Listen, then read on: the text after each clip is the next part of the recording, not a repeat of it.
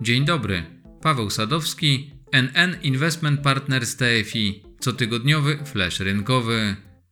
Cecha świadcząca o tym, że nie można się z wyprzedzeniem domyślić działań, obecności albo właściwości kogoś lub czegoś.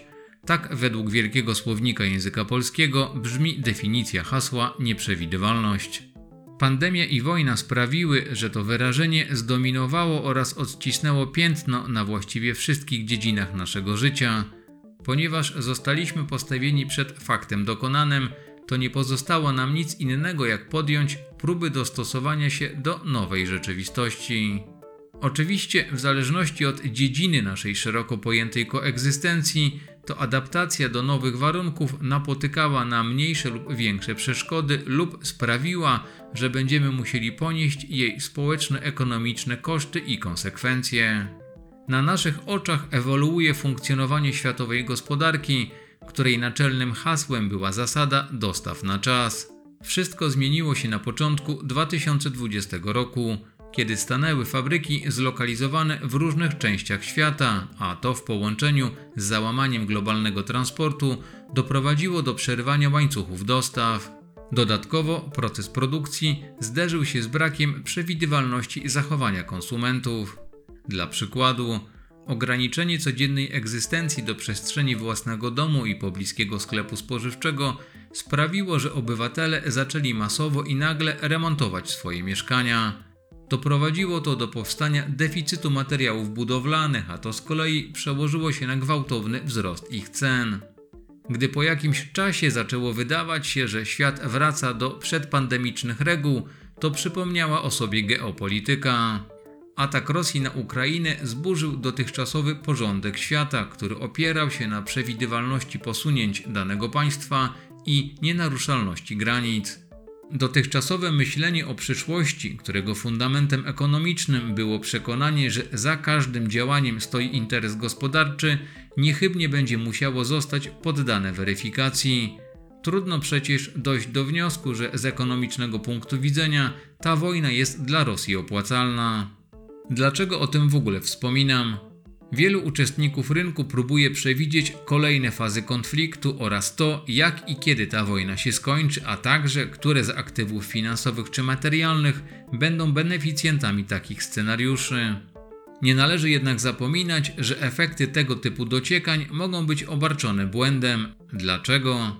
Po pierwsze, trudno zakładać, że akurat tym razem te prognozy miałyby się okazać celne Przecież większość inwestorów nie przewidziała, że w ogóle do konfliktu w takiej skali dojdzie. A po drugie, nie jest to wojna, która toczy się zgodnie z wyznawanymi przez państwa Zachodu zasadami, więc jej zakończenie nie musi być zgodne i zależeć od tych wartości. Jak zatem w tak nieprzewidywalnym geopolityczno-gospodarczo-ekonomicznym środowisku powinniśmy podejść do budowy portfela inwestycyjnego? Odpowiedź na to pytanie, wbrew pozorom, jest prosta i znana większości nawet początkujących inwestorów. To po prostu dywersyfikacja.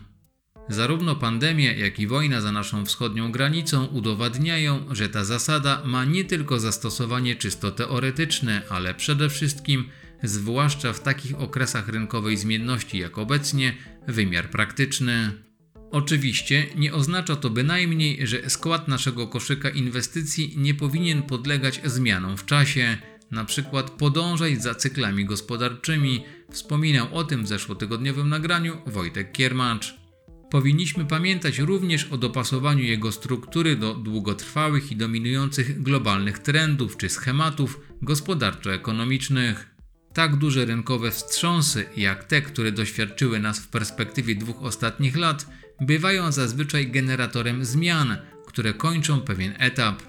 Patrząc na przykład na zachowanie lokalnych indeksów akcji oraz obligacji w perspektywie ostatnich 12 miesięcy, to trudno nie odnieść wrażenia, że z takimi zmianami i końcem pewnej epoki mamy aktualnie do czynienia. Według danych na 11 kwietnia bieżącego roku to warszawski indeks giełdowy, który odzwierciedla zachowanie cen wszystkich spółek giełdowych notowanych na krajowym parkiecie, wzrósł o ponad 8%. Natomiast wskaźnik TBSP, który jest oficjalnym indeksem obligacji skarbowych w Polsce, który uwzględnia m.in. zmiany kursów obligacji zerokuponowych oraz obligacji o stałym oprocentowaniu, spadł w tym samym okresie o prawie 17%. Takie negatywne zachowanie rodzimych obligacji, które przecież potocznie uznawane są za bezpieczne instrumenty, nie jest obecnie odosobnionym przypadkiem na globalnym rynku kapitałowym, ale na pewno jest wydarzeniem, którego większość inwestorów nie doświadczyło na przestrzeni ostatnich dekad. O tym, jakie gospodarczo-ekonomiczne zmiany mam na myśli oraz końca jakiej epoki doświadczamy i jaki to może mieć wpływ na wyceny wybranych klas aktywów czy produktów inwestycyjnych, opowiem w kolejnym komentarzu. Na koniec chciałbym wspomnieć o wydarzeniu, które dało się przewidzieć, zwłaszcza, że o tych planach informowaliśmy już w zeszłym roku. 11 kwietnia 2022 roku zakończył się proces przejęcia NN Investment Partners przez Goldman Sachs Asset Management. Połączenie tych dwóch firm tworzy podmiot zarządzający aktywami o wartości około 2,8 biliona dolarów.